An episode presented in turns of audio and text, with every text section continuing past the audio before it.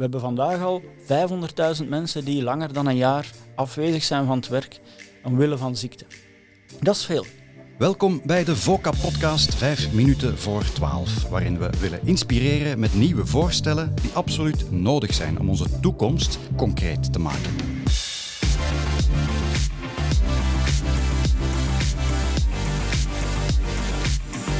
VOCA Podcasts. En vandaag doen we dat over de gezondheidsstaat van Vlaanderen met Daan Ayels. Welkom Daan.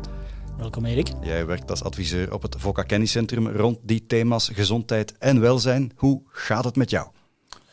Met mij gaat het goed, Erik. Ik ben een positivist. Ik kijk altijd door een roze bril naar het leven. En in gezondheidszorg ja, is dat een klein beetje hetzelfde. Het gaat goed, maar er kan veel beter. Ja, dan jij mag hier één voorstel doen, ambitieus voorstel, waarmee we die zaak kunnen oplossen. Wat is jouw voorstel? Ik denk dat een belangrijk verschil kan gemaakt worden door 1 miljard extra naar preventie te laten gaan. We moeten 1 miljard extra gaan financieren in het versterken van gezondheid. Maak mensen gezond. Uh, verbeter hun gezondheidsvaardigheden. Verbeter hun gezondheidsgedrag. En dan gaan we, denk ik, daar heel snel uh, opnieuw de vruchten van gaan plukken.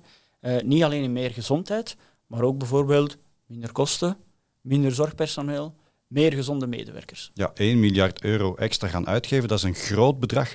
Zeg eens hoe ondernemingen, hoe werkgevers daar dan beter van zouden worden, de vruchten van zouden kunnen plukken? Wel, we hebben vandaag een erg groot aantal zieke medewerkers.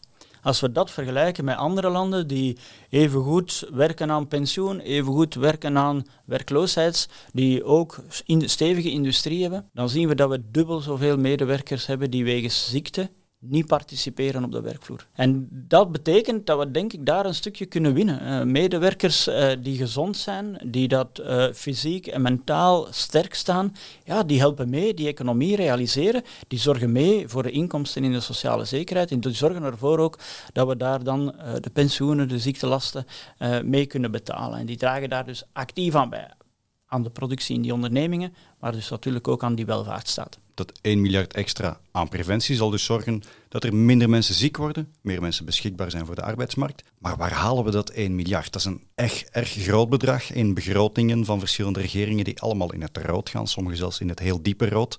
Hoe vinden we dat geld? Ik denk dat er verschillende mogelijkheden zijn. En, en ik, ik denk eerst en vooral niet dat we 1 miljard extra moeten toevoegen aan, aan die budgetten. Um, er zijn een paar zaken die we kunnen doen, denk ik. In eerste instantie, we zouden de verschillende bevoegde overheden rond preventie een klein beetje beter aligneren. Dat kan door veel doelgerichter te werken. We kunnen bijvoorbeeld zeggen dat we wat we doen in preventie, dat we dat goed afstemmen in doelstellingen. Vandaag hebben we doelstellingen die federaal geformuleerd worden, die Vlaams gefedereerd worden en waar dat soms lokale steden en gemeenten nog andere doelstellingen leggen. Vandaag morsen we met geld, als ik het goed we zijn in elk geval, we verdelen heel veel middelen op die manier uh, over heel veel verschillende activiteiten. En we zijn niet echt doelgericht, we zijn niet echt effectief. Dat kan je veel sterker gaan aligneren tussen die overheden. Dat betekent ook dat je daar een stukje de impact van die budgetten uh, gaat versterken. Uh, waar kan je die op inzetten? Er zijn verschillende vormen. Je kan dat op een universele manier gaan doen. Maar ze gaan wel een impact hebben op gezondheidszorg. Als je dan nadien verder gaat in, in, in het uh, assortiment aan preventiemaatregelen die je kan nemen, dan kan je een stukje selectiever worden. En bijvoorbeeld gaan, gaan richten op mensen die ouder zijn, die al een aantal andere diagnoses hebben, en, en gaan inzetten op betere vaccinatie uh, van die doelgroep. Hoe kunnen we mensen die al een bepaalde aandoening hebben, beter gaan opvolgen en vermijden dat ze opnieuw of ongepland in het ziekenhuis opgenomen moeten worden.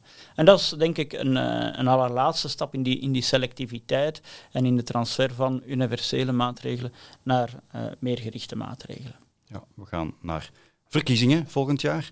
Die focus op preventie, is die al aanwezig bij politieke partijen? Is dat besef al doorgedrongen dat het op die manier zou moeten?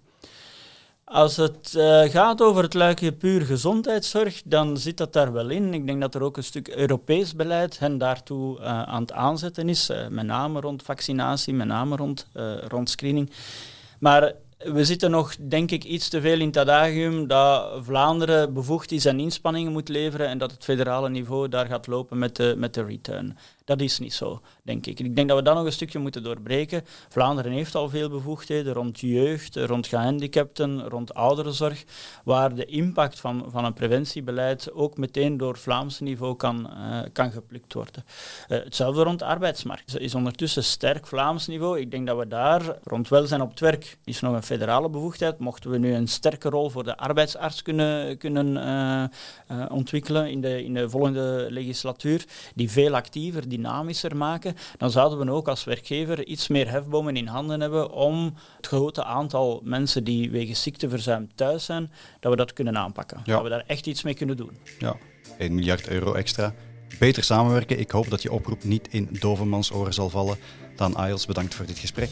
En u, beste luisteraar, tot de volgende keer, tot de volgende vijf minuten voor twaalf, waarin we de wereld weer een heel klein beetje proberen te verbeteren vanuit VOCA. VOCA Podcasts.